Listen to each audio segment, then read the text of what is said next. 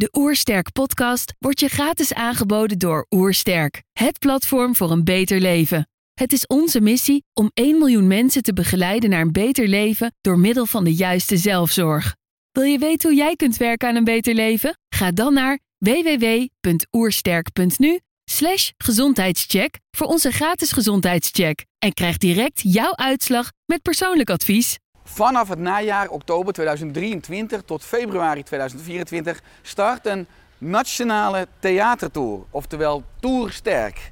Heb jij ook zin in een avondje lachen, maar ook vooral inzicht te krijgen waar je levenslang van profiteert. En dat je bewuster, vitaler naar huis gaat, een unieke beleving hebt samen met mij, zodat we samen het gezondheidsvirus verspreiden in Nederland en België. Want dat heeft de moderne tijd enorm nodig. Ik sta nog niet in Carré in Amsterdam, maar wel 26 kleine theaters bij jou in de buurt. Dus hopelijk kom je naar mij toe, want ik kom naar jou toe en zien we elkaar snel. Mijn naam is Siebe Hannesset en je luistert naar de Oersterk podcast.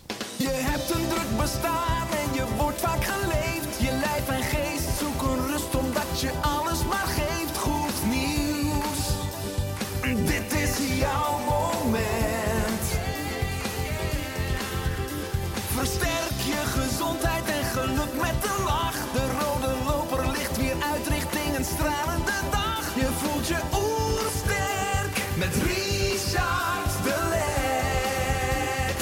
We zijn hier in Heemskerk voor een podcast met Siebe Hanoset. Siebe studeerde bewegingswetenschappen, klinische psychoneuroimmunologie en NLP. Hij is auteur van het boek Intermittent Living, leidraad voor een kerngezond leven. Ik ben benieuwd naar zijn tips voor een beter leven. Trouwens, geniet je van onze podcast? Abonneer je dan en laat een reactie of review achter. Zo help je ons om het gezondheidsvirus te verspreiden. Let's start! De Oersterk Podcast. Een ontdekkingstocht naar een beter leven. Siebe, welkom.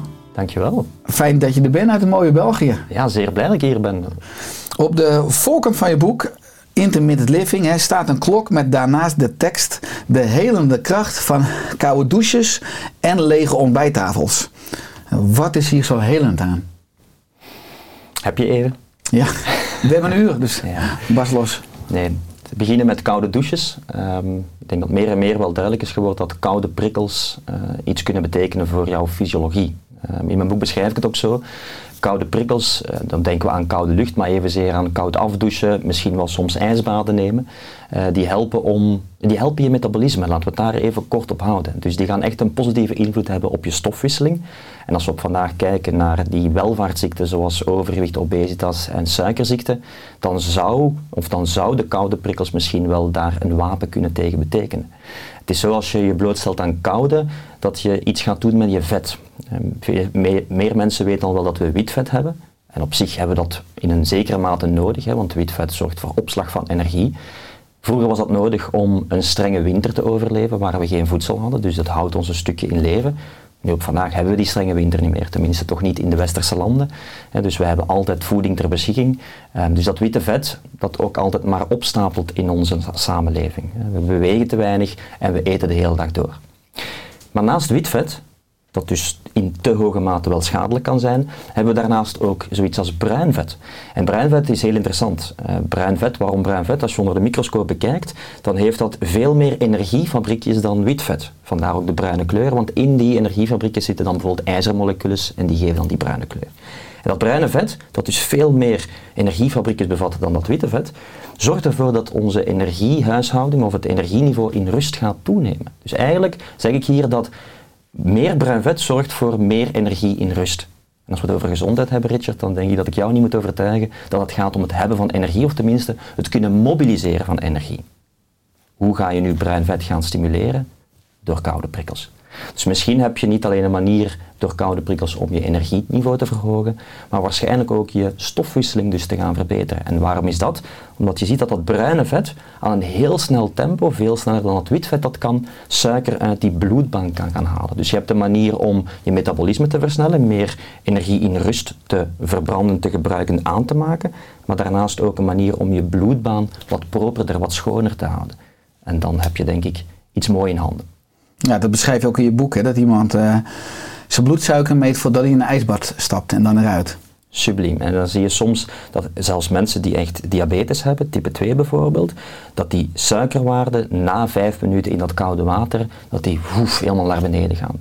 Dus dat betekent ook dat je letterlijk misschien die insuline niet nodig hebt om toch die stabielere bloedsuikerspiegel te hebben. En op die manier die energiedipjes overdag kan vermijden en dan in een verdere fase ontstekingen gaat tegengaan en zo verder. Dus ehm, ja, ik vind het heel belangrijk om soms ook te meten, hè, want dat meten is weten, wordt wel eens gezegd. En dat is vooral ook fijn voor de persoon die het dan doet, dat naast het fijne gevoel, want geef toe, een ijsbad is niet zo makkelijk. In het begin is dat even enorm uh, ja, uit de comfortzone. Daarna voel je je vaak wel fantastisch. Maar dat hij ook nog eens zwart op wit kan zien van, hé, hey, doet het met mij, die doet het met mijn bloedbaan. En vandaar dat het zo'n krachtige tool kan zijn. Ja, en als je dat gaat combineren met een lege ontbijttafel? Uh, dan heb je een combinatie die waarschijnlijk nog krachtiger en nog doeltreffender kan zijn. Uh, ik hou er zelf wel van om mijn eerste maaltijd niet meteen bij het ontwaken te nemen. Dus wat verder weg, uh, later in de namiddag of in de voormiddag, sorry, of op de middag te gaan nemen. Um, uiteindelijk, of je het nu intermittent fasting wilt noemen of time restricted feeding, voor mij komt het erop neer dat we het immuunsysteem terug wat vaker rust kunnen geven. als we bij elke hap die we nemen en zelfs bij elke slok die we nemen, gaat dat immuunsysteem geactiveerd worden. Um, heel evolutionair te verklaren, want als we vroeger, en nu ga ik weer terug, en je gaat vandaag merken dat ik vaak die link maak met de evolutie. Ik denk dat we daar heel veel van kunnen leren en als we daar de goede dingen uit meepakken, daar draait het om. Dus die, onze voorouders, die eerste homo sapiens sapiens op de wereld, ja, als die ergens iets tegenkwam om te eten, dan was dat mogelijk, zat het vol met bacteriën, met schimmels, met virussen. Dus gelukkig maar ging op dat moment, als ik iets in mijn mond stak, dat immuunsysteem aan om mij te beschermen tegen die mogelijke pathogenen of ziekteverwekkers. Nu, zoveel jaren later, ongeveer 200.000 jaar later, um, zijn we nog altijd op dezelfde manier geprogrammeerd. Ook al is voeding op vandaag steriel geworden, daar kunnen we zelfs nog over discussiëren, dan nog zal dat immuunsysteem aangaan. En dat betekent dus op vandaag, als ik de hele dag door, van ochtends tot s avonds, zaken in mijn mond stop, en ga maar eens na de gemiddelde Belg of Nederlander, begint s ochtends vroeg al, een bakje koffie met wat zoetstoffen erbij. Dat is eigenlijk al een hap en een maaltijd en dus een immuunsysteemactivatie. Daarna misschien nog uh, een stukje fruit, een koekje, dan een lunch. Dus je bent de hele dag door zaken in je mond aan stoppen en vaak onbewust. Dat betekent dat de hele dag dat immuunsysteem aanstaat en dat heeft ook impact. Dat heeft impact op het feit dat onze hersenen minder goed gaan functioneren. Want het immuunsysteem is heel egoïstisch. Het moet ons in leven houden. Dus als dat de energie krijgt, ja, dan kunnen andere systemen zoals het brein minder goede beslissingen daardoor ook nemen. En evenzeer het lichaam, spieren en zo verder ook minder energie krijgen. Dus die immuunsysteemactivatie die steelt letterlijk energie bij andere organen. En dat is voor vele mensen waarschijnlijk een deel van de oorzaak waarom ze ja, brain fog hebben, eh, niet goed kunnen concentreren, energiedipjes hebben, minder goed in hun vel zitten. Uh, en vandaar misschien af en toe een lege ontbijttafel of misschien het venster waarin je je maaltijden tot je neemt om dat al wat te gaan verkleinen. En dat is eigenlijk heel logisch, want we aten vroeger ook niet de hele dag door. Ja, mooi. Uh, eigenlijk is de kern een beetje natuurlijk gaan leven volgens onze evolutionaire oorsprong. Hè. Dat komt sterk terug eh, in jouw hele concept, in je boek natuurlijk ook in uh, wat wij uitdragen met Hoe Sterk. Uh, ik vind het mooi, want je noemt een aantal dingen. Je noemt natuurlijk het lichaam, je noemt het brein, je hebt het over energie, je noemt het woord gezondheid. wat is jouw definitie van gezondheid? Het zelfregulerende vermogen om op het juiste moment de juiste hoeveelheid energie aan te maken. Dat zorgt er dan voor dat ik energie aanmaak om in beweging te komen. Dat zorgt ervoor dat ik energie aanmaak om mijn lichaamstemperatuur te handhaven. Dat zorgt ervoor dat ik energie maak om een goede beslissing te nemen, om mij voor te planten. En op die manier kan je in het leven succesvol zijn, gezond zijn, succesvol zijn, energie kunnen mobiliseren wanneer het nodig is. Ja, en nou, dat staat bij heel veel mensen steeds meer onder druk. Hè. Laten we daar ook wat dieper op ingaan. Want je noemde net al obesitas, overgewicht, suikerziekte. Nou, ja. Heel veel mensen rollen dus onbewust ook een rode loper uit naar welvaartsziektes. Door ook misschien gebrek aan kennis die we nooit ergens hebben geleerd. Wat we dan dit uurtje voor de mensen enorm gaan opfrissen. Als ik een stapje terug doe en kijk naar jouw weg ook als mens. Je hebt een achtergrond als bewegingswetenschapper. En was ook werkzaam als high performance coach bij de Belgische profvoetbalclub Club Brugge wat hebben deze ervaringen jou gebracht? Heel veel. Ik geloof er sterk in dat eh, het leven een proces van groei is en dat elke ervaring, elke les die je krijgt, dat als je daar tenminste iets mee doet, dat dat je kan verder doen groeien. Wat hebben die mij gebracht? Eerst en vooral uh, de ervaring op de universiteit. Um, ik zou liegen, moest ik zeggen dat het een, een makkelijke periode was. Hè. Dus ik heb universitaire studies gedaan. Ik dacht na mijn middelbare school, waar ik vooral op wetenschappen en wiskunde focuste, van hé, hey, ik, ga, ik ga hier iets doen met sport. Al heel goed wetende dat ik eigenlijk ehm, geen LO-leerkracht wou worden. Ik wou heel specifiek in die sportwereld iets gaan betekenen. Ehm, beide ouders zijn dokter. Het curatieve interesseerde me net wat minder. Maar ik wou echt preventief prestaties gaan verbeteren, sportprestaties gaan verbeteren. En dan kwam ik op de universiteit en dan was het toch al zo moeilijk om dat te kunnen volbrengen. Uh, de theorievakken, de kennis daarin, het, het, snel kunnen leren, dat leervermogen, dat lukte me nog wel aardig. Maar die 20 uur per week aan sport die erbij kwamen en die combinatie vooral, dat was best heavy. En zeker omdat ik op dat moment, en dat wist ik toen nog niet, de ziekte van Lyme had. En dus ik heb eigenlijk tien jaar van mijn nog jonge leven gesukkeld met een chronische vorm van de ziekte van Lyme. En dat was eigenlijk op dat moment, op 17, 18 jaar, als ik naar de universiteit ging, begonnen daar de eerste symptomen, klachten van te komen. Dat begon met kniepeesontstekingen, scheenbeenvliesontstekingen, op een bepaald moment kreeg ik ontstekingen in mijn duim. Dat is natuurlijk niet evident als je op dat moment 20 uur per week sport op redelijk niveau. En ik speelde ook nog voetbal. Dus ik had eigenlijk bijna 30 uur per week sport. En mijn lichaam zei stop. Op dat moment probeer je natuurlijk vanuit het doel, ik moet die studies hier kunnen afwerken, ga je grijpen naar zaken die de oplossing niet zijn. Pijnstillers, ontstekingsremmers, je laat je een stukje ook leiden door specialisten. Uh, die zeggen van kijk, een stukje ontlasten, daar een ontstekingsremmer en dan komen we er wel. En dat ging op een moment nog een stapje verder, want we kwamen er niet meer met die ontstekingsremmers. Dus ging ik naar een knieoperatie. En die veel later nog een knieoperatie. En uiteindelijk was het nooit de oplossing van het probleem. En dan kwamen de klachten, die gingen alleen maar verder evolueren. Op een bepaald moment kreeg, ontwikkelde ik een auto-immuunziekte, reumatoïde artritis. Mhm. En zelfs mijn nieren gingen op een bepaald moment het ook bijna laten afweten. En in die zoektocht naar mijn eigen gezondheid uh, ben ik dan op een bepaald moment terecht geraakt bij de psychoneuroimmunologie. En meer bepaald ook bij intermittent living. En daar heb ik dan na tien jaar ziekte, hè, want in dat traject van zoeken naar wat het was, ben ik dan te weten gekomen dat het ziekte van Lyme was. Ben ik dan na tien jaar ziekte, heb ik mezelf op drie maanden kunnen genezen met die inzichten. Dus dat is een heel belangrijk uh, momentum geweest in mijn leven, in mijn carrière. Hè, die, die harde studies, die mij fysiek op mijn beperkingen botsten. En vandaar van dit is niet normaal, we moeten verder blijven zoeken. Een tweede belangrijke deel uh, in, in, in ja, mijn leven tot hiertoe is die periode bij Club Brugge geweest. Uh, eerst en vooral omdat het mij geleerd heeft om te kunnen presteren onder druk. In een topsportwereld, topsportomgeving, heel veel eisende omgeving. Um, ik heb misschien soms dat veel eisende net wat te veel, ook naar mezelf toe. Dat is ook een, een leuk proces al geweest, uh, van jong tot nu. Um, en in die topsportomgeving was ik ook op zoek. Ik had heel veel kennis meegekregen van de beste inspanningsfysiologen, bewegingswetenschappers aan de universiteit, uh, aan de KU Leuven. En toch slaagde ik er niet in om die voetballer bij Club Brugge, de ene kon 50 wedstrijden fit blijven en de andere was na 10 wedstrijden uh, gekwetst, geblesseerd. Hoe kwam dat? Dus ik stelde me heel veel vraag, vraagtekens naar mijn eigen gezondheid toe, waar ik geen oplossing voor vond, en naar het werken met topsporters.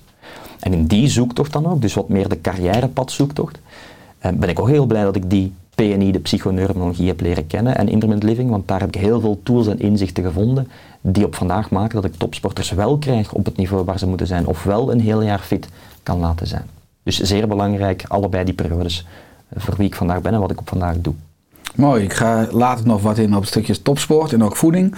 Uh, maar je uh, zegt heel mooi dat uh, je eigenlijk tien jaar een chronische onbalans had, hè, de ziekte van Lyme. Dat je dat in om drie maanden in balans hebt kunnen trekken. Um, en ik lees ook in je boek dat je schrijft: het integreren van deze principes, hè, ook van het intermittent living concept, had een diepe impact op mijn gezondheid en op mijn ziel. Wat bedoel je daarmee? Kijk, ik zou liegen te zeggen dat ik alleen fysieke pijnen heb gehad. Uh, ik ben iemand die als kernwaarde heeft doorzettingsvermogen. Dus ik, ik slaag er heel goed in tot hiertoe om echt wel niet alleen te blijven geloven in een oplossing of in, in iets dat beter wordt en daarin door te zetten. Ik heb dus leren omgaan met fysieke pijnen en ik kan je, kan je meegeven, um, als je vier uur na elkaar op harde ondergrond sport en je voelt continu die pees die ontstoken zit, scheenbeenvliesontstekingen, die vingers die krom beginnen staan van die reumatoïde artritis, ja, dan weet je stilaan wel wat, wat fysieke pijnen zijn. Um, daarmee leren omgaan. Maar in die periode dan ga je natuurlijk op een bepaald moment ook, je gaat niet beginnen twijfelen, maar je gaat wel wat vragen beginnen stellen. Van, kan ik die studies hier überhaupt afwerken? Uh, wat hierna? Ga ik binnen tien jaar in een rolstoel belanden? Dat zijn gedachten die soms door mijn hoofd zijn gegaan. Als je de trap niet meer kan opgaan zonder pijn en zonder ontstekingsremmers, dan stel je de vraag hoe, hoe dat, dat afloopt op een bepaald moment. Ik kon geen fles water meer opendraaien van de kromheid in mijn vingers. Dus het leren kennen van het intermittent living concept en vooral die genezing na drie maanden van die ziekte van Lyme, die hebben veel meer met mij gedaan dan enkel een genezing op fysiek vlak. Die hebben mij gevoed, die hebben mij verruimd en daar is vooral ook mijn missie ontstaan. Mijn missie om met deze inzichten anderen te gaan inspireren en een meerwaarde te gaan creëren voor, hen, voor hun leven. Ehm, niet alleen hoop geven, maar ook echt met inzicht dat leven gaan kunnen veranderen. En dat heb ik dan een stukje ook vertaald of neergeschreven in mijn boek. Mijn boek is zeker geen zelfhulpboek, maar ik wil met mijn boek vooral inspireren. Met mijn verhaal, maar ook met andere verhalen. Zoals je gelezen hebt, heb ik ook in elk hoofdstuk op het einde werk met een best practice van mensen bij wie ik al mogen heb werken en met wie ik succes heb kunnen boeken met deze mooie inzichten. Ja, enorm praktisch, hè, vertaald. Uh, het mooie vind ik ook dat je in het boek uh, ook heel persoonlijk is. Hè. Het begint al met eigenlijk de inleiding en je licht heel uitgebreid jouw weg toe. Ook dat stukje waarvan je zegt, in drie maanden heb ik weer van onbalans, heb ik dat om kunnen keren naar balans. Uh, want je ligt namelijk voor mij in deel 6 van je boek ook de principes toe die in het protocol zaten, hè, wat je trouw volgde. En dan vooral volgens mij drie stappen. Ja. Kun je dat toelichten? Ja. Dus in mijn genezing is het belangrijk geweest, kijk als je de ziekte van Lyme hebt, de, een chronische vorm, een acute vorm kan je met, met heel snel erbij te zijn en wat antibiotica, laat me duidelijk zijn, ik ben geen fan van antibiotica, maar in een acute fase van Lyme, go for it. En dan ga je waarschijnlijk die Borrelia bacterie die dan die ziekte kan veroorzaken, kunnen gaan tackelen. Goed, ik heb nooit geweten dat ik die een tekenbeet heb gehad. Ik heb nooit die kring gehad. Ik, dus ik heb heel lang gezocht naar een oplossing. En dan uiteindelijk pas na een paar jaar die diagnose Lyme gehad. Ja, en dan was het zo chronisch in zo'n vergevorderd stadion. Eh, dat je er niet alleen komt met wat antibiotica. Die heb ik trouwens geprobeerd. Hè. Ik heb aan de bakster gelegen. Ik heb mijn hele bloedbanen gekuist, gezuiverd. Met, je wil het niet weten. Ehm, en er was nooit een oplossing. Dus de stappen die ik doorlopen heb, is in de eerste plaats ervoor zorgen dat ik waarschijnlijk um, meer kans op slagen zou hebben om die bacterie te pakken te krijgen. Want bij Lyme, Lyme wordt ook wel eens omschreven als een, een co-infectieziekte, of een, die niet alleen je systeem platlegt, maar die ook heel veel andere infecties de kans geeft om in je lichaam te komen. Een soort paard van Troje. Ja, Eigenlijk is het zo dat, dat die Borrelia-bacterie er waarschijnlijk voor zorgt dat je, al je barrières komen open te staan, ja, je mond-keloor-barrières, je darmbarrières, dat elke indringer zomaar gewoon kan binnenkomen. Zo beschrijf ik het ook. Hè. Um, ja, mijn lichaam was misschien wel een, een discotheek zonder portier. Dus iedereen kon gewoon maar binnenkomen. Goede dingen, maar ook slechte dingen. En om de kans op slagen te vergroten dat dat immuunsysteem effectief een kans had om die bacterie terug te pakken te krijgen, moest ik er eerst voor zorgen dat die barrières terug gesloten zouden zijn. Dus ik ben aan de slag gegaan met het sluiten van die verschillende eh, slijmvliesbarrières, zeg maar. Daar heb ik heel veel supplementen voor gebruikt. En laat me duidelijk zijn, het is niet alleen ijsbaden, niet eten, eh, intensief bewegen. Het heeft ook gegaan om, om bepaalde supplementen die ik moest nemen in best hoge dosissen. Nadat die barrières teruggesloten waren, dan had ik de kans dat er dus geen nieuwe bacteriën binnenkwamen of virussen en kon ik dus gaan targeten op die Borrelia. Ben ik met voeding aan de slag gegaan, bijvoorbeeld heel cholesterolrijk gaan eten. Ehm, dan heb ik het over de goede zaken, avocado, eieren, noten en zo verder. Heel marine-based gaan eten, dat ik ook qua omega-3 niveaus uh, enorm omhoog kon gaan. Ehm, en dat was een heel belangrijk onderdeel. En dan in de laatste fase ben ik pas eigenlijk aan de slag gegaan om ja, die, hypothalamus, die noemen het soms wel eens de governor of health, onze stuurman van onze gezondheid, om die dan uiteindelijk terug toestemming te geven om die Borrelia-bacterie aan te pakken die dan die ziekte van Lyme veroorzaakt. En in die laatste fase, die laatste stap van dat protocol, daar ben ik dan echt aan de slag gegaan met intermittent living, of dus die hormetische stressprikkels, waarbij je lichaam lichtjes geprikkeld wordt en waardoor je cellen als een soort van beschermingsmechanisme een aantal zaken gaan activeren. Um, sneller ontgiften, anti-ontstekende eigenschappen, de energiefabriek is enorm gaan verhogen. It's all about energy again, uh, gezondheid. Um, en zo heb ik mezelf kunnen genezen. Um, en dat heeft ja, dat heeft mij zoveel gebracht op alle niveaus, dat ik toen dacht van ja, hier moet ik gewoon iets mee gaan doen, want dat kan, dat kan ik niet voor mij halen. Hè. Dus ik ben heel dankbaar dat ik die inzichten heb gekregen van dokter Leo Bruinboom, by the way. Hè. Ik, uh, hij heeft me die inzichten gegeven. En ja, ik ben heel blij dat dat uh, gebeurd is, want dat heeft een stukje mijn toekomst bepaald, niet een stukje, voor een groot deel. Ja, mooi. En die inzichten deel je in workshops, ook in high-end één-op-één coaching, hè, dat je mensen begeleidt. En ik zag onder jouw foto ook dan een aantal titels staan. En ook onder andere Health en Lifestyle Architect. En dat vond ik een nou, enorme mooie titel. Uh, wat bedoel je hier precies mee? Kijk, als je het mij vraagt, ik, ik, het woord coach wordt vaak gebruikt, maar ik zie mezelf niet zozeer als een coach. Ik zie mezelf eerder als een, een mentor. Iemand die um, niet alleen expert is in bepaalde domeinen, maar die vooral ook mensen een stukje begeleidt, gidst um, en vooral jouw tools aanreikt ook. Ehm, mijn grootste doel is altijd om mezelf overbodig te maken.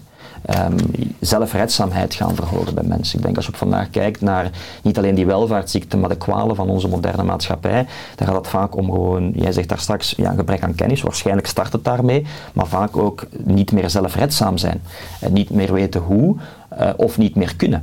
En daarin vind ik het heel belangrijk, en vandaar het woordje architect misschien een stukje, dat ik, dat ik voor jou mee ga, ga bouwen aan hoe jij die tools in handen kan krijgen, om van daaruit dan zonder mij te genieten van, van jouw tempel, hè, noem het eventueel zo.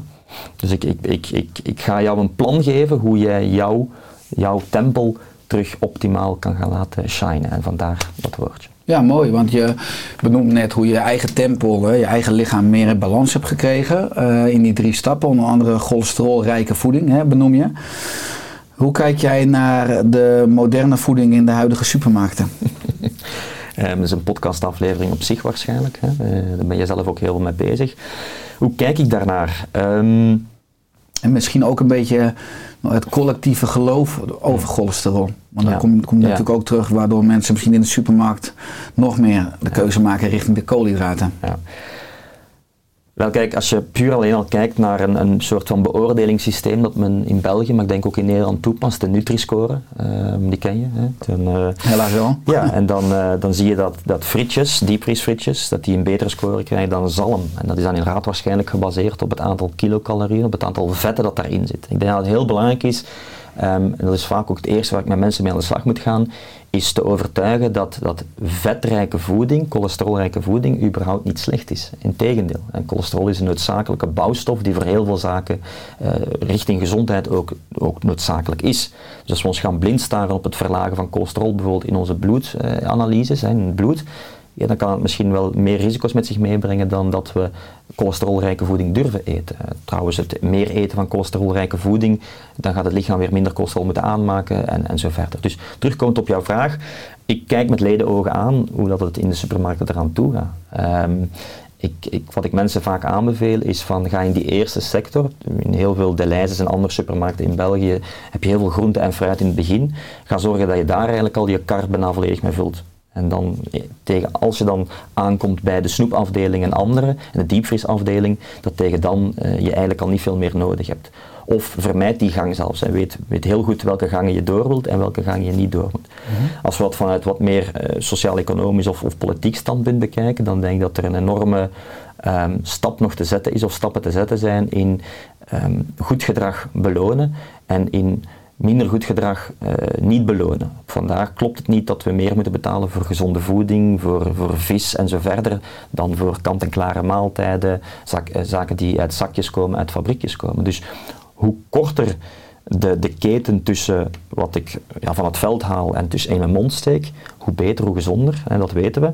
En toch slagen we er niet in om dat op die manier tot bij de mens te brengen. Dus ehm, ja, ik probeer altijd die discussie te vermijden rond wie is daar verantwoordelijk voor en wat zit erachter. Ik denk dat we allemaal dat zelf mogen invullen en kunnen invullen. Bij mij gaat het erom hoe kan ik de personen met wie ik werk of de personen waarvoor ik sta, hoe kan ik hen met oplossingen eh, voeden om het juiste te kopen in een supermarkt. En leer etiketten lezen, leer effectief lezen wat er op de achterkant staat. Eh, wat betekent dat koolhydra- koolhydraten? Wat betekent dat koolhydraten waren van suikers? Wat betekent het dat er staat, eh, ik, ik, dat is een ingrediënt of een, een E-nummer die aan toegevoegd wordt? Ehm, je wil eigenlijk zo zuiver mogelijke producten met zo min mogelijk ingrediënten en toegevoegden.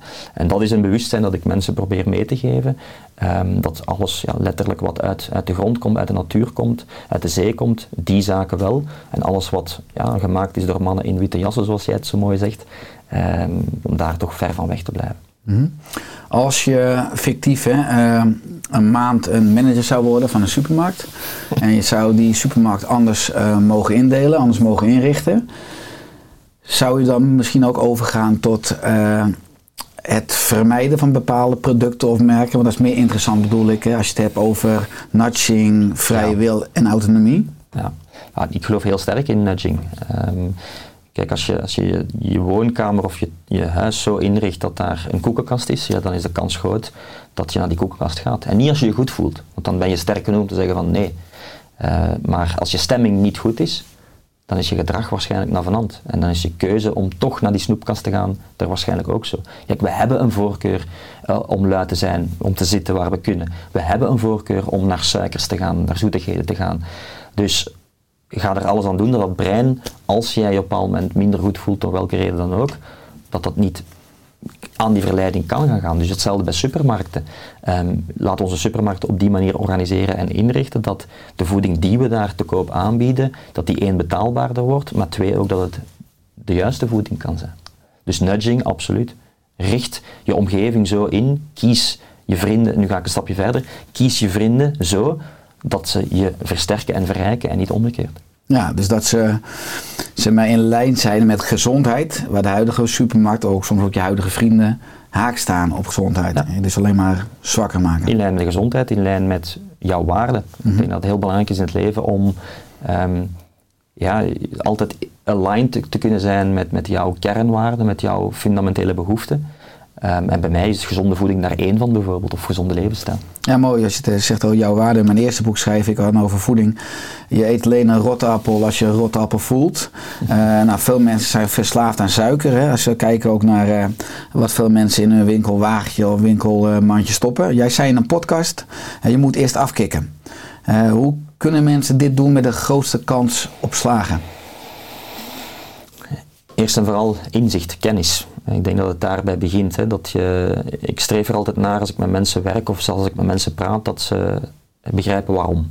Eh, als je bij mij buiten stapt en je niet waarom, dan is het geld terug. Je moet het begrijpen. Je moet begrijpen waarom. Eh, heel veel mensen komen dan en zeggen van ja, maar ja, ik heb ooit gehoord of gelezen dat ik eh, acht keer per dag moet eten. En liefst dan al nog wat suikerrijk, want dan blijft die motor goed, goed brandende. Dan, ik, vraag ik erop door en dan zeg ik, oké goed, motor goed brandende. En dus dan, wat gebeurt dan met je bloedsuikerspiegel? En dan, ah, daar had ik nog nooit van gehoord of ik wist niet dat het zo werkte. Dus die waarom uitgelegd krijgen is denk ik stap 1. Dat je, we hebben drie, drie delen in ons brein. We hebben dat reptiele brein. Dat is eigenlijk letterlijk buiten onze wil om gaat dat instinctief voor ons reageren. We hebben dat zoogdierenbrein en een deeltje dat mensenbrein, dat logische brein. Ik vind het heel belangrijk dat het logische brein weet waarom. Dat we inzicht geven, kennis delen. Dat is stap 1 volgens mij. Ehm, en als je het dan logisch vindt en je snapt het, ja, dan kan je tot actie overgaan. Eh, een van mijn mentoren zei ooit, inzicht zonder actie leidt altijd tot teleurstelling. De vraag is, hoe kan je dan die acties voor die persoon zodanig gaan faciliteren? Eh, En dat gaat dan om nudging, je omgeving zo inrichten. Dat gaat dan om, om op zoek te gaan naar alternatieven die haalbaar zijn. Dat gaat dan om te gaan kijken van wat motiveert je, wat drijft je. Eh, Als het voor jou werkt om eh, je gsm aan de kant te leggen, om er niet op te komen, dan moet je dat op die manier doen. De, de gsm alleen al maar in je ooghoek zien liggen, is bewezen dat het sowieso distract, sowieso afleidt. Want je brein is altijd bezig van, ah, maar wat als er iets binnenkomt? En zo was ik daarnet ook al even naar, jou, naar jouw cellphone aan het kijken. Hè. Dus heel belangrijk opnieuw, inzicht, actie aan koppelen, die actie faciliteren. En daar heb ik een belangrijke rol in, vind ik, als mentor, of als architect als je het zo wil noemen. Ehm, dat mensen weten van oké, met die haalbare tijdsefficiënte acties kan ik dat resultaat hebben. En dan stap drie is dat ze vanuit die actie ook resultaat kunnen boeken. Als ze niet meteen voelen, dus als het niet een quick win is, om het even zo te benoemen, iets wat ze onmiddellijk mogen positief ervaren, ja, dan gaan ze toch afhaken. Uh, en zo bouw ik ook mijn, mijn coaching telkens op. Dat mensen altijd buiten stappen met ik heb het gevoeld. Uh, als, je, als ik jou aanbeveel om een ademhalingsoefening te doen en ik leg het je gewoon uit, dan, is, dan moet je al van heel sterke uh, karakter, mentaliteit en overtuiging en doorzetting zijn om het zonder mij te gaan toepassen. Nee, als we het hier samen doen, en dan stap je zelfs buiten en heb je tenminste gevoeld wat het voor jou kan betekenen. Uh, dus dat vind ik heel belangrijk. Inzicht, actie, ervaring. En dus leren naar ervaren en beleven. En van daaruit is de kans op slagen denk ik al wat verhoogd. Mooi. En als je zo'n uh, blauwdruk of zo'n maatwerkplan maakt voor anderen, is het ook iets wat je zelf iedere dag leeft. Hè? Als ik ook bijvoorbeeld praktisch kijk, hoe ziet jouw dag eruit? Wat, en ook met voeding, wat eten en drink je zoal op een dag? Ja. Ik krijg vaak van, van directe en indirecte omgeving de vraag van, ja, maar leef je niet te extreem? En als je dan al die zaken toepast, dat is toch niet haalbaar? Je moet toch ook nog werken? Maar ik kan je vertellen dat ik, dat ik heel hard werk um, en dat ik mijn, mijn tijd zo maximaal mogelijk probeer te besteden. En toch sla ik erin om gezond te leven. Um, en dat is net waar het om draait volgens mij. Dat je met heel kleine, uh, kleine veranderingen, kleine zaken, ehm, maximale resultaten kan boeken. Dus ja, ik leef op de manier zoals ik het ook beschrijf in mijn boek. Uiteraard ga ik niet elke dag ijsbaden en sauna's en eh, 24 uur vasten en elk uur eh, intensief bewegen. Maar ik ga wel altijd een aantal zaken eruit pakken die voor mij bijdragen tot me goed voelen, tot, tot in mijn, goed in mijn fysiologie zitten, in mijn energie zitten. En een non-negotiable voor mezelf is ademhaling. Ik start mijn dag altijd, elke dag, er gaat geen dag voorbij. Ik was net drie weken op een heel mooie reis door Californië. Ik ben op reis, maar toch start ik daar elke dag met ademhaling. En dat is bij mij heel simpel, omdat ademhaling, zo beschrijf ik het ook in mijn boek, is voor mij de kortste weg naar fysiek en mentaal welzijn. Met één simpele ademhalingsoefening van 1, 2, 3 minuten kan jij je hele stemming veranderen. En als jij je stemming verandert, dan verander je waarschijnlijk ook je gedrag. Want je bent niet je gedrag. Je gedrag is een resultaat van die stemming. En als jij erin slaagt om vanuit fysiologie die stemming positief te beïnvloeden, dan kan je hele mooie resultaten boeken. Misschien kan je wel zeggen dat, tenminste dat is voor mij zo, dat die fysiologie de hefboom is tot emotionele verandering. Ehm, wat bedoel ik daarmee? Dat is als je bijvoorbeeld door met ademhaling aan de slag te gaan die fysiologie verandert. Ik geef een heel concreet voorbeeld. En want we hebben vaak, zien we ademhaling of hoe we ademen als een gevolg van een staat van zijn. Je voelt je verdrietig en je ademt op die manier. Ja, je bent in paniek en je ademt op die manier. Of, of je gaspt, hè, je houdt je adem zelfs in. Dus je gaat heel hoog en snel ademen als, als het ergens paniek is of je voelt je angstig of noem maar op. Als je je goed voelt, je zit goed in je vel, je bent heel rustig, dan is die ademhaling heel traag, vaak ook via de buik. Maar niemand heeft ons ooit geleerd, nog op school, nog, hè, dat die ademhaling veranderen, dan waarschijnlijk ook hoe je je voelt. Je emotionele staat, je fysieke staat kan gaan veranderen. En als je daar inzicht in krijgt hoe die ademhaling de sleutel kan zijn, die hefboom kan zijn, om dus via fysiologie, via ademhaling, ja, je emotionele staat te gaan veranderen, en dus op die manier de stemming ook naar een ander gedrag kan leiden, dan denk ik dat heel veel mensen ehm, veel meer succes kunnen ervaren in het leven. Want vaak, en dat zeggen we ook, dat benoemen we dan ook zo, ja, vandaag gaat het niet lukken. Ja, nee, ik kan dit niet. Dus niet de, de taal verbaal, maar ook non-verbaal, die houding, als we daar verandering in kunnen brengen. En dat kan je dan met ademhaling heel efficiënt. Vandaar misschien wel de kortste weg naar mentaal en fysiek welzijn. Dus ik start mijn dag met bewust ademen. En daar gaat het om, bewust ademen. Ehm, je kan aan de supermarkt, aan de kassa, ook eens even gaan inchecken bij jezelf. Hoe ben ik aan het ademen? Heel hoog, hè, in die red race, in die actiestand. Of kan ik gewoon die ademhaling gaan vertragen en verlagen? En dan ga ik ochtends, als ik die ademhaling bewust doe, Misschien ook eens soms stoppen met ademen. Want ook dat is een bewezen manier, even stoppen met ademen om ja, je zuurstof- en CO2-levels te veranderen, waardoor die biochemie in je lichaam verandert en je misschien weer efficiënter zuurstof kan gaan opnemen en je daarna weer die energie kan gaan ervaren, terug weer meer focus kan gaan ervaren. Ehm, je hebt verschillende ademhalingstechnieken, uh, denk ik geen zin om die nu allemaal te benoemen, maar ga vooral wat meer inzicht krijgen in die handleiding van je ademhaling en ga je spelen met de knoppen. En als je daarmee aan de slag gaat, dan ga je voelen dat ademhaling heel veel voor jou kan betekenen. Als je dan nog eens een positieve intentieverklaring aankoppelt, wat wil ik vandaag bereiken, of je dan op vakantie bent, of je bent in het buitenland, of je bent hier, ja, dan kan je denk ik heel veel uh, successen boeken. Mooi, dat zeg je, is de start van je dag, ademhaling en een positieve intentie. Als ik dan toch nog even op je dag misschien wat inga op voeding. Want misschien interessant als we naar vandaag gaan. Je hebt vandaag een reisdag. Ja. Je hebt een enorm stuk in de auto. Je moet straks een enorm stuk terug. Nou, veel mensen stoppen bij een benzinepomp bijvoorbeeld. Hè, want ze hebben trek. En dan ligt daar een sausijzenbroodje. Half lauw onder zo'n lamp. Maar in ieder geval, hoe, ook vandaag. Hoe doe je het vandaag bijvoorbeeld als je kijkt naar voeding? Ja, um, wel, ik ben vandaag, heb ik vandaag nog niet gegeten, helemaal niks. Ik heb, een, ik heb twee bakjes koffie gedronken, uh, zonder zoetstoffen of iets bij. Um, ik heb water gedronken, al wat. Voor de luisteraar en kijker, het is nu tien over half drie. Ja. Dus, uh, ja, en hoe zit ik erbij? Ik denk dat ik best nog goed in mijn ja. energie zit, hè? dus ik, uh, ik ben nog lekker scherp. Um, en toch heb ik ook al drie uur in de wagen gezeten. Zitten bijvoorbeeld, langdurig onafgebroken zitten, vermoeit letterlijk. Letterlijk je aandacht verslappen. Um, gaat heel veel kwalijke zaken nog met zich meebrengen. Kunnen we misschien straks nog wel even op induiken. Dus ik ben wel gestopt met de wagen aan een benzinestation, maar niet om iets te kopen, om even te bewegen. Letterlijk een paar jumping squats gedaan, even opgedrukt, om terug die doorbloeding naar mijn brein te hebben, om ook mijn rug terug wat bewegelijkheid te geven, want drie uur stilzitten is, is voor heel veel mensen al genoeg om nek en rug helemaal onder spanning te brengen. En zo heeft mijn dag er tot hiertoe al uitgezien. En ik ga waarschijnlijk na dit gesprek wel iets eten. Um, en dan rijd ik terug naar huis, misschien met nog een sitting break of een, een. Dan kom ik vanavond thuis, dus de kans groot dat ik misschien nog ergens iets van hitte opzoek. Ik heb vanochtend ook al nuchter gaan boksen, dus ik heb vanochtend ook al een uur intensief gebokst. En nog altijd niet gegeten. Dus zo zie je maar, het gaat erom hoe kan ik terug oersterk worden of hoe kan ik vooral terug metabool flexibel worden. We, hebben, we moeten durven afstappen van de overtuiging dat we moeten eten om daarna energie te hebben. Je kan op zoveel andere manieren energie aanmaken. En dan is ademhaling, beweging, vasten zijn daar ook manieren tot. Ja. ja, enorm inspirerend. Ik heb natuurlijk een eh, groot bereik in Nederland, ook wel hè, natuurlijk een deel in België. Jij hebt natuurlijk een groot bereik ook in België, natuurlijk ook een deel in Nederland. Eh, ik gaf je aan voor het gesprek net eh, voor deze podcast dat ik een half jaar in 2006 wetenschappelijke stage heb gelopen in Aalst in België. eh, in het ziekenhuis daar. Hoe gezond is de mens in België vergeleken met Nederland? Ik denk dat we allebei even ongezond zijn.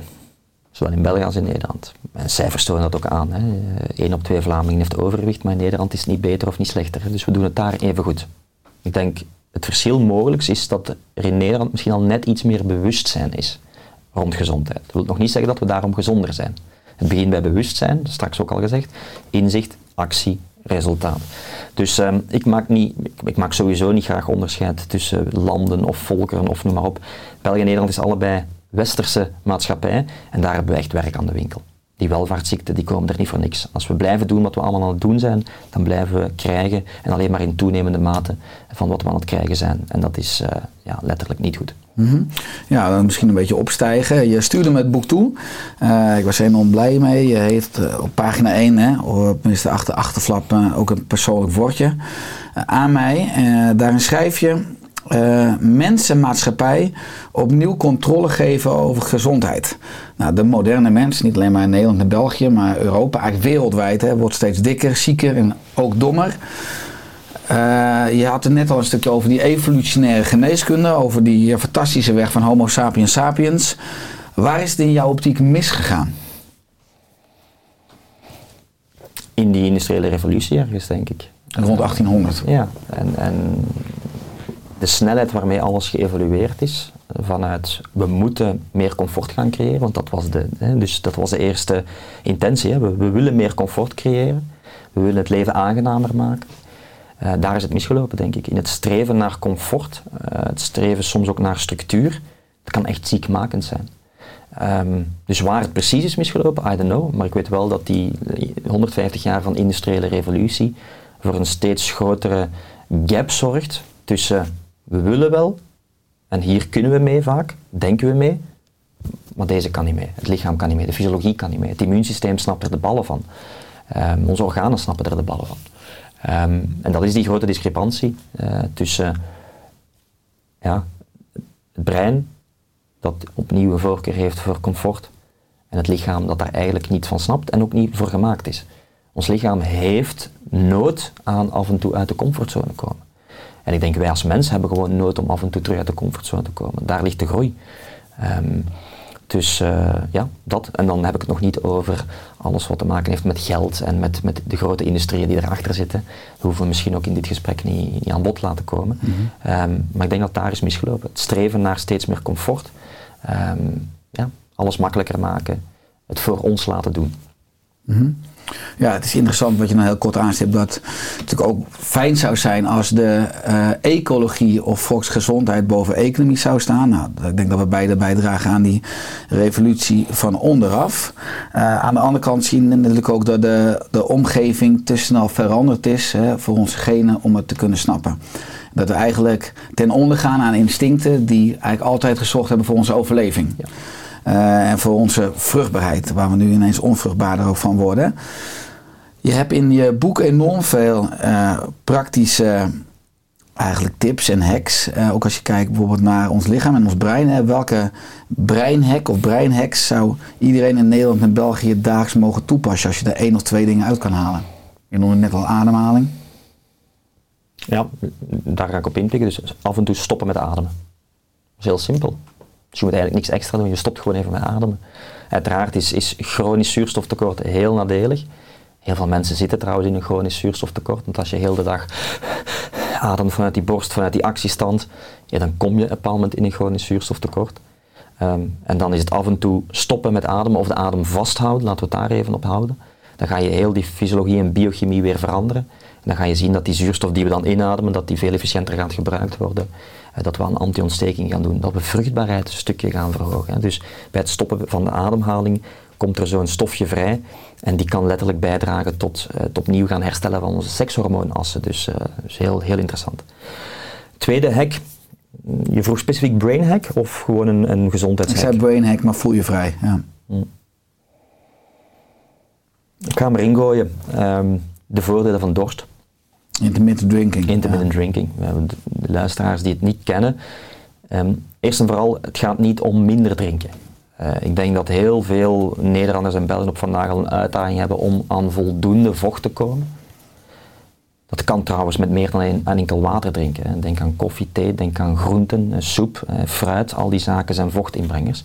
Dus ja, het is belangrijk om voldoende te drinken en voldoende gehydrateerd te blijven.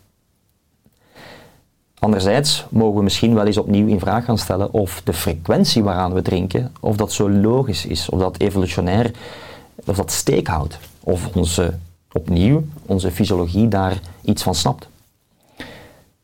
Kijk, vroeger dronken we ook niet de hele dag door. We hadden geen waterbronnen ter beschikking. Als we geluk hadden, kwamen we om de zoveel dagen een waterbron tegen en dan dronken we enorm door. En ook weer even de waarom meegeven. Als je op vandaag een hap neemt, had ik daar straks al uitgelegd, maar ook als je een slokje neemt, ook al is dat water, onschuldig als water, dan gaat het immuunsysteem lichtjes geactiveerd worden. Niet in dezelfde mate dan dat je suiker eet bijvoorbeeld, maar toch lichtjes. Dus als ik de hele dag iemand ben die en eet en drinkt, ja, dan gaat dat immuunsysteem waarschijnlijk de hele dag actief zijn. De impact daarvan is dat het immuunsysteem al die energie steelt en dat het brein minder energie krijgt. Dus minder goede beslissingen, energiedipjes en zo verder. Een ander nadeel van de hele dag door drinken is ook dat die nieren heel lui worden. Want normaal is een nier een orgaan dat heel sterk vocht kan vasthouden en zelfs aan resorptie kan doen voor het lichaam, waardoor we eigenlijk heel moeilijk uitdrogen.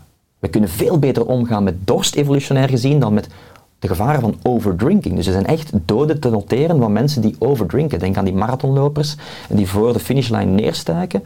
Dus we moeten toch waakzaam zijn dat die hele dag door drinken, frequent drinken, dat misschien niet zonder gevolg blijft. En een gevolg daarvan kan zijn dat dus de nieren, eigenlijk die hebben van die waterkanaaltjes die heel sterk vocht en water kunnen vasthouden, dat die stukje lek worden. Want die redeneren van kijk, ik krijg toch heel de dag water, dus ik moet het niet vasthouden, dus ik lek het uit. En dan heb je mensen die naar mij komen en zeggen van ja, ik moet de hele dag door plassen, meer dan dat ik drink, en zelfs s'nachts moet ik drie keer opstaan om te gaan plassen. Dat is niet normaal. Ehm, dus ook daar weer even kijken van waar kan dat misschien komen. En misschien zijn die nieren wel echt doorlaatbaar aan het worden. En dat is een eerste interventie die ik daarop zet. Ga eens wat minder vaak drinken. Ga ervoor zorgen, of ga intermittent drinken, ga bulk drinken. Dat wil letterlijk zeggen, ik ga in vier, maximaal vijf momenten per dag al mijn water tot me nemen. Of mijn koffie, of mijn thee, of mijn, mijn vocht. Dus ja, drink voldoende alsjeblieft. Maar ga vooral minder frequent drinken. Een slokje, half uur later nog een slokje. Dat klopt helemaal niet. En als we dan nog een stapje verder gaan, en dan kom ik tot mijn echte hack. Dat is als je dorst ervaart, echt het gevoel, niet een droge mond, maar echt het gevoel van dorst. En misschien heb je dat wel al eens ervaren als je een uur hevig of intens gesport hebt. En vaak misschien nog in wat warmere temperaturen. Of je hebt een sauna-beurt gedaan van 30 minuten. Ja, dan kan je soms echt dat gevoel hebben, wow, nu moet ik echt drinken. Wel, er komt iets heel mooi vrij als we dorst hebben. Er komt een stofje vrij, een hormoon vrij, namelijk oxytocine. Dat kennen we van knuffel, als het knuffelhormoon, het liefdeshormoon. Eh, dat is een heel belangrijk hormoon. Ik denk als je mij vraagt op vandaag, ehm, wat is het hormoon dat misschien heel bepalend kan zijn naar het nemen van juiste beslissingen, dan denk ik dat oxytocine die besluitvorming enorm bevordert. Als je je goed voelt in je vel, je voelt je rustig, je hebt zelfvertrouwen, dat is allemaal afhankelijk van het hormoon oxytocine, dan kan je goede beslissingen nemen, dan ga je goede beslissingen nemen. Dus knuffelen, doe dat alsjeblieft voldoende, misschien wel dagelijks. In de ogen kijken, daarom is het zo fijn dat wij al de hele tijd oogcontact hebben. Maar ook fysiologische dorst uitlokken door eens wat minder vaak te drinken en eens te sporten of in de hitte om te gaan zonder te drinken. Ja, dan komt er ook enorm veel oxytocine vrij. Dan ga je op die manier waarschijnlijk een middel hebben om in die maatschappij waarbij we een stukje slachtoffer zijn geworden van die red race, altijd in die actiestand, om fysiologisch door dorst te hebben wat meer tot rust te komen. Hoeveel ondernemers ik heb die binnenkomen zonder oogcontact op die gsm bezig zijn, die smartphone, mails, ah, wacht, ik kan nog een mailtje sturen, die de hele tijd distracted zijn daardoor, die heel opgejaagd binnenkomen en die na één sessie waarin we letterlijk dorst uitlokken, in beweging komen, in de hitte, die daarna de, de gsm is zelfs niet meer belangrijk, de smartphone wordt even links gedaan. Dus zo'n eenvoudige hack die dat kan opleveren, daarom plaats ik hem eh, naast ademhaling. Krachtig. Eh, er is nog enorm veel over deze hacks, niet alleen maar te leren in de maatschappij, maar ook in de geneeskunde, hè, waar ik in opgeleid ben. In deel 4 van je boek heb je over, eh, over een toolbox voor het leven met acht pijlers.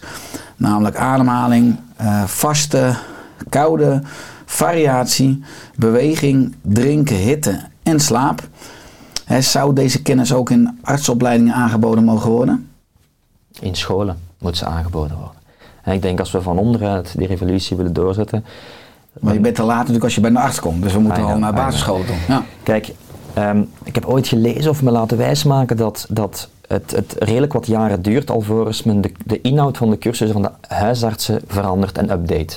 En dat heeft natuurlijk ook te maken met dat als we wachten tot iets wetenschappelijk echt onderbouwd is, dan is voor mij de tijd vaak al verloren. Dus ik, ik wacht niet altijd op het zwart op wit, groot, de grote studie die aantoont dat dit levensverlengend werkt. Als we daarop al wachten, dan zijn we nu tijd aan het verliezen. Op consensus. Ja. Ja, dus ehm, ja, uiteraard hoop ik dat stap voor stap van bij de jongsten in scholen, maar ook in de opleidingen van onze artsen, dat daar toch net iets meer aandacht kan worden gegeven aan leefstijl. Nu, het is al denk ik in, de, in een bepaalde richting aan het veranderen. Als ik kijk naar mijn ouders of als ik kijk nu naar mijn zusje die urgentieartsen is, dan wordt daar al meer nu over beweging gepraat, over voeding, terwijl dat misschien twintig jaar nog niet werd gedaan. Dus ehm, ik hoop dat we met z'n allen wij samen met de artsen, samen met alle andere specialisten, stap voor stap toch ehm, die open mind genoeg hebben om vanuit kennis die we meekrijgen, anderen kunnen gaan inspireren. Mhm. Misschien ontstaat ook wel meer openmindheid vanuit een soort noodzaak. Hè. In Nederland hebben we al een zorginfarct. Ik weet niet hoe dat eh, in België is. Ehm, nou, wat ik net zei, de huidige geneeskunde komt pas in actie als er klachten zijn of als er ziekte is. En niet preventief. Dan laten we, dat ligt helemaal braak, zou je kunnen zeggen. Eh, hoe kijk jij naar ja, de geneeskunde van de toekomst? Ik hoop dat ze inderdaad meer, eh, minder aan symptoombestrijding zal doen en meer aan het, het opsporen van oorzaken en het aanpakken van oorzaken. Ehm, dat er vooral eh, wat meer ruimdenkend kan gedenkt worden, gedacht worden en dat vooral inderdaad ook leefstijl een belangrijk onderdeel daarin gaat krijgen. En begrijp niet verkeerd, hè. uiteraard zijn er heel veel goede eh, trends en heel veel goede evoluties en goede medicijnen. En we hebben op een bepaald moment we hebben goede specialisten en ziekenhuizen en zorgverleners. Ehm, maar als het gaat om het preventieve, ja, daar dienen we echt een inhaalbeweging te maken, denk ik. Tenminste, als we willen vermijden dat binnen zoveel jaar ehm, niet één op twee eh, ziek is, maar misschien ja, twee op twee ziek is. Eh, wat zou je doen als minister van Intermittent Living? minister van Intermittent Living. Ehm, ik zou nooit minister willen worden, dat is mijn antwoord erop. Maar nee, goed. Ehm, wat zou je doen? Heel goede vraag. Onderaan beginnen. Eh, onderaan beginnen, omdat zelfs in die post als minister het de grote basis is. Daar, zoals ik zeg, scholen gaan, daar initiatieven gaan nemen. Dat niet alleen de kinderen, maar ook de ouders in die nieuwe inzichten kunnen meegaan. Ehm, dus ja, eh, nog verder verspreiden van kennis, onderaan zeker te beginnen. En als minister heb je waarschijnlijk wel wat bevoegdheid om ook op eh, politiek niveau wat zaken, wat ellebogenwerk te gaan doen. Dus eh, ja, vol in te zetten, zoals, ik het eigenlijk, of zoals wij het denk ik zelfs nu doen. Hè. Een stukje die pioniersrol opnemen, echt dat beuken, beuken op de deur soms. Eh, en als minister zijnde daar misschien net iets makkelijker die deur open krijgen dan dat wij dat kunnen. Mhm. Ja, politiek is natuurlijk ook topsport, hè, lange dagen. Je nou, bent actief geweest natuurlijk in de topsport, ook in het betaald voetbal. Eh, hoe kijk jij eh, naar de gemiddelde voeding bij voetballers of topsporters? Hè, misschien met de kennis die je nu hebt, maar misschien nog wel een vraag daaronder. Is de gemiddelde topsporter gezond? Als je het mij vraagt, is, heeft topsport ehm, niks met gezondheid te maken. nee, laten we topsport op een zo gezond mogelijke manier doen, maar aan zich is topsport niet gezond. Eh, top, in topsport ga je, ga je zo ver om die maximale successen te hebben, dat dat niet altijd ja, samengaat met gezondheid. Met roofbouw, vaak. Ja, ja, dat is vaak roofbouw. Ehm, en toch, met de inzichten die ik heb, met de ervaringen die ik heb, kan je het op een zo gezond mogelijke manier doen met de atleet of atleten. Ehm, en daar hebben we ook een enorme inhaalbeweging te maken, zeker in het betaald voetbal. En dus dan uh, vergeleken met bijvoorbeeld het wielrennen, wel een sport die echt nog wel wat nakomt met zijn inzichten. Ehm, en voeding blijft daar een heel moeilijk punt. Probeer mij eens uit te leggen met gezond verstand waarom na een wedstrijd pizza geven aan een team een goede zet zou zijn. I don't know, puur psychologisch zou je kunnen zeggen, ja, je hebt gewonnen, dus ik, ik beloon je, beloningsgedrag. Maar uh, ik weet veel betere voedingsmiddelen die aan recuperatie doen voor de atleet dan pizza. En toch wordt, zelfs in de grootste clubs zoals Manchester City, toch nog altijd na een wedstrijd pizza gegeven. Dus um, ik, kijk, ik kijk dat uh, aan met ogen soms van en daarom is het, is het voor mij nu zo fijn om niet meer in de rol te moeten zitten van coach binnen een team die moet bonken in dat team en die, die cultuur om dat te veranderen. Maar eerder met, met atleten individueel te kunnen werken die bij mij komen aankloppen omdat ze voelen van kijk, hey, um, het klopt niet dat ik keer op keer opnieuw geblesseerd ben. Of hey, ik wil toch in plaats van tot mijn dertigste op hoog niveau, tot mijn 35ste op hoog niveau presteren. Ik wil misschien ook zorgen dat ik nadien gezond kan blijven. Dat ik niet zodanig roofbouw heb gedaan dat ik daarna ja, letterlijk obese en weet ik veel wat niet meer kan stappen. Um, hoe kan ik toch nog die percentages winnen om toch nog beter te worden? En met die atleten werk ik heel graag, omdat zij um, gemotiveerd zijn vanuit een bepaalde drijfveer om die percentages te winnen. Ja. Ja, mooi. Die percentages gaat dan ook heel erg natuurlijk om, uh, om mindset, de afstelling van je mind. Um, je hebt ook een master in neurolinguistisch programmeren, hè, dus NLP. Wat heeft de NLP jou persoonlijk gebracht? En dan misschien weer een brugje, dat je zei, de basis van onderaf. Welke principes zouden we kinderen op school mogen leren over NLP, over hun brein? Wat NLP mij brengt, uh, niet alleen gebracht heeft, maar brengt, is dat ik um, bewust ben geworden van onbewuste processen. En eigenlijk op die manier veel beter mijn gedrag kan gaan verklaren en dus ook mijn gedrag kan gaan veranderen. Uh, daar straks al even gezegd, gedrag is een resultaat, een gevolg van mijn stemming. En NLP speelt heel sterk in op die stemming. Eigenlijk is NLP, um, het neurolinguistisch programmeren, zouden we kunnen zeggen, is bestuderen of bestudeert hoe taal, verbaal, maar ook non-verbaal, je fysiologie en, en noem maar op, hoe dat taal invloed heeft op mijn zenuwstelsel. En op die manier, als je inzicht krijgt hoe dat um, letterlijk de woorden die ik tegen mezelf gebruik of die ik tegen jou gebruik in communicatie, zo heb ik een hekel aan woorden zoals moeten of ik kan niet, hè, maken van ik kan nog niet of ik, ik kan, ik, het is een keuze. Mm -hmm. um, evenzeer alle herinneringen, alle ervaringen, de opvoeding die ik heb meegekregen, de waarden die ik heb, al die zaken bepalen hoe een prikkel of een stimulus of informatie binnenkomt en hoe ik daarmee omga. En NLP is heel sterk in het één daar bewust van worden, maar twee ook tools te gaan installeren die dat een stukje gaan, gaan herprogrammeren. Die verandering in breng, brengen in de outcome. Die ervoor zorgen dat ik mijn zenuwstelsel optimaler kan gaan laten functioneren, waardoor ik meer in staat word om actie te ondernemen, om de gepaste actie te ondernemen. Um, en daarom vind ik NLP zo sterk. Um, en is het een hele mooie, voor mij noodzakelijke aanvulling op intermittent living. Kijk, ik heb heel sterk in de beginjaren van mijn carrière gefocust op dat fysieke. Langs de buitenkant iemand sterker maken, letterlijk fitter maken. Um, en ging ik op een bepaald moment ook zo ver in, omdat ik zelf natuurlijk de resultaten gevoeld had in, mijn genezing, omdat ik ook de resultaten zag bij anderen, dat ik dacht van oké, nu duw ik dat in iemand zijn strot en dat zal wel, het, zal, het, moet, het moet wel resultaat opleveren.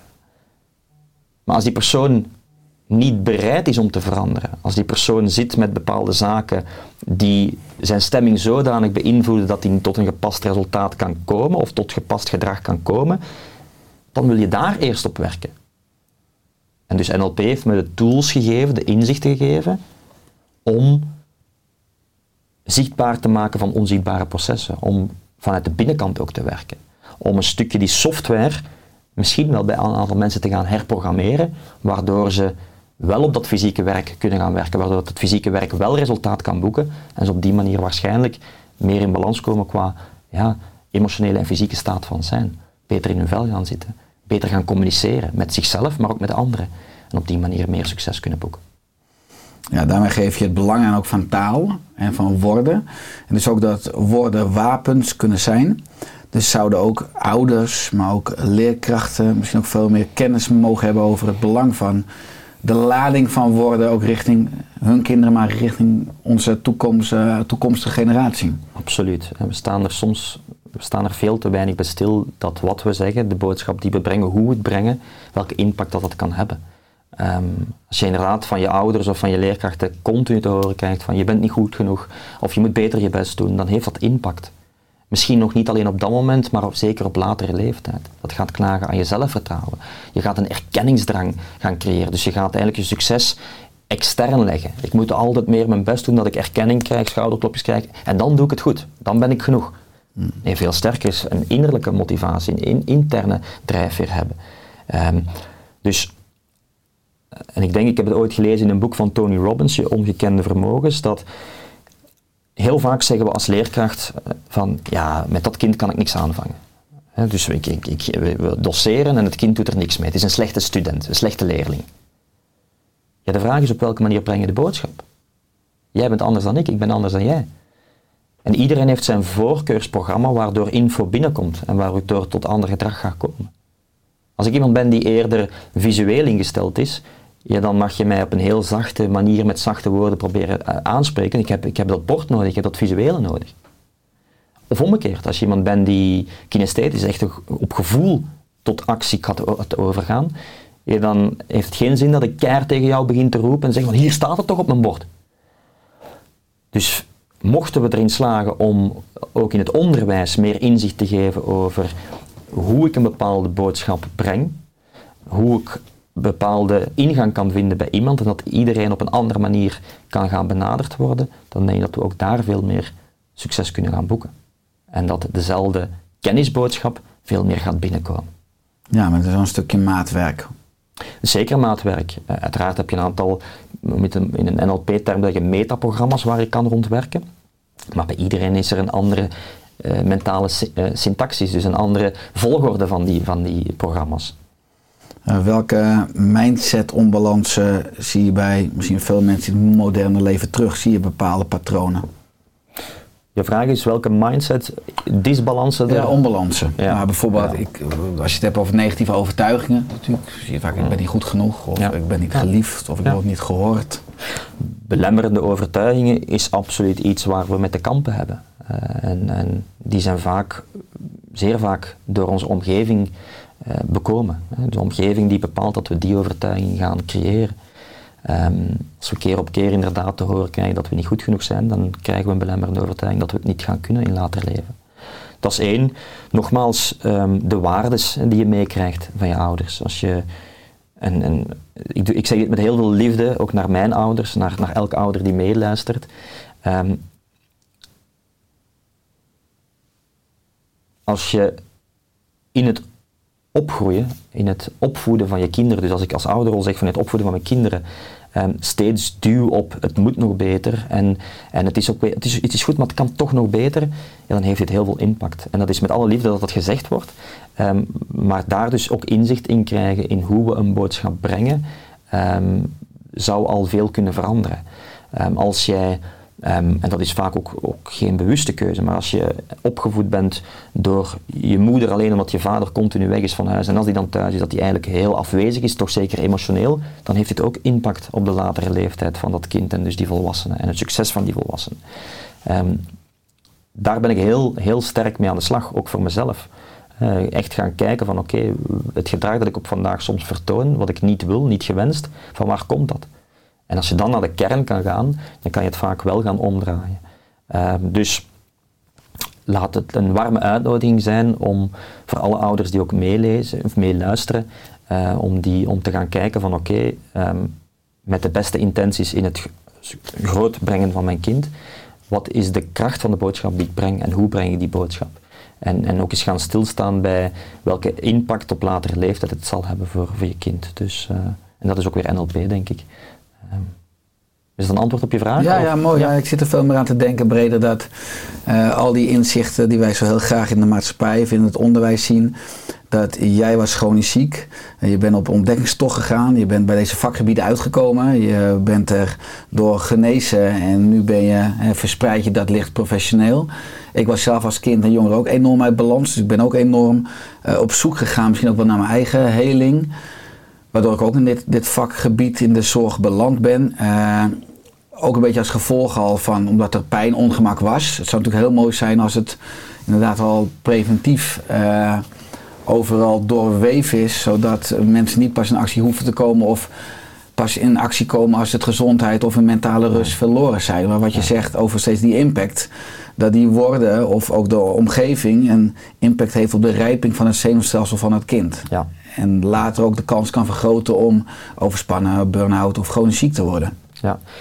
Die eerste duizend dagen van het kind zijn zo cruciaal. En, en dat begint eigenlijk al als het kind nog eh, als een foetus in, in, in, de mama zit.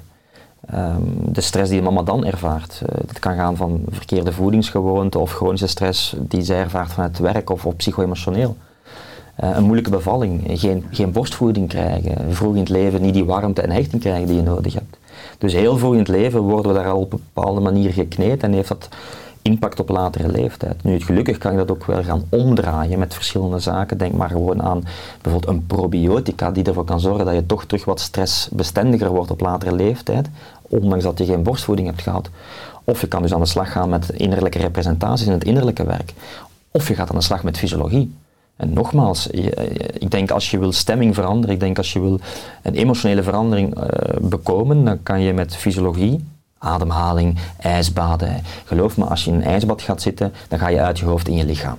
Ehm, eh, een, een, een hittesessie doen, al die zaken kunnen ervoor zorgen dat je stukje die fysiologie positief kan beïnvloeden. Maar daarnaast kan je ook letterlijk aan de slag gaan met die tools die de innerlijke representatie veranderen. Dat als je bepaalde traumatische gebeurtenissen hebt, dat je, dat je die traumatische gebeurtenissen, dat je die scherpe kanten er gaat afhalen.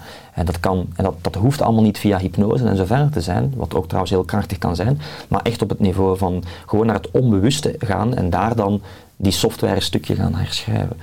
En ik denk als hoe meer inzicht daar rond kan komen, hoe meer dat we met z'n allen van jongs af aan ook wat misschien al wat meer gepast is als een fout woord, want ik geloof er niet in dat het slechte wil is. Wij hebben een opvoeding meegekregen, dus de kans is groot dat wij dat op dezelfde manier naar onze kinderen brengen. Het zijn twee keuzes, denk ik. Ofwel zeg je, zo wil ik het absoluut niet, ofwel zeg je, ja, zo ga ik het wel doen.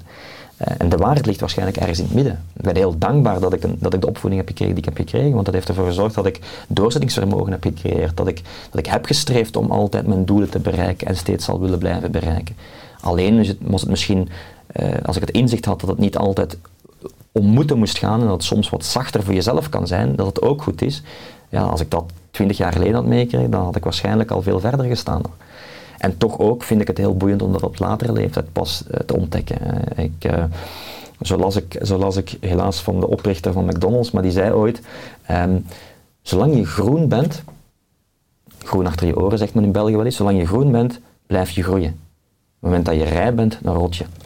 Dus eigenlijk zegt hij, ehm, blijf nog maar wat groen, want dan kan je blijven groeien.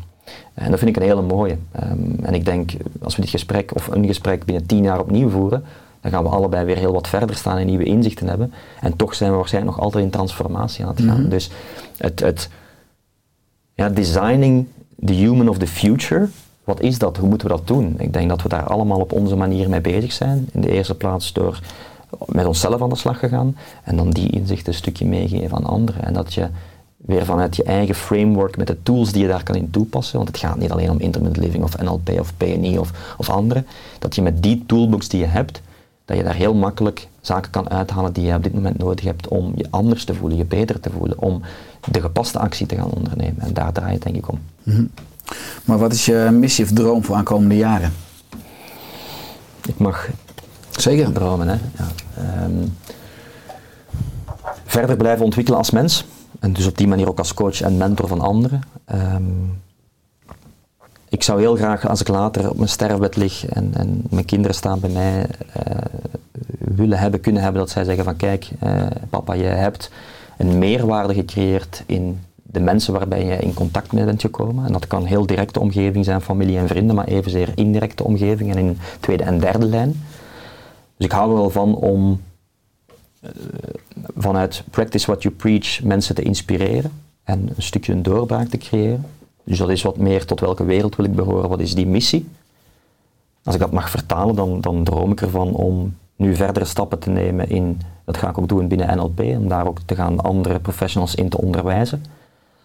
En het ultieme zou voor mij ooit zijn om mijn eigen methodiek eh, op de markt te kunnen zetten. En op die manier, met de inzichten, de ervaringen, de, de, de lessen die ik heb gehad, anderen dat framework een stukje te kunnen aanbieden. En een stukje bij te dragen aan the human of the future. Mooi. Is er aan het einde van de podcast, nog iets dat je graag wil aanvullen of toelichten? Ik herhaal iets wat ik daarnet al even gezegd heb. Ehm, en dat is eh, dat ik hoop en ervan uitga dat dit gesprek eh, bewustzijn een stukje inzicht kan gegeven hebben. Laat me daaraan toevoegen dat inzicht zonder actie tot teleurstelling leidt. Dus ga nu na het inzicht ook aan de slag. Ehm, en ik denk dat jij daar ook heel sterk in bent in wat jij met je missie hebt.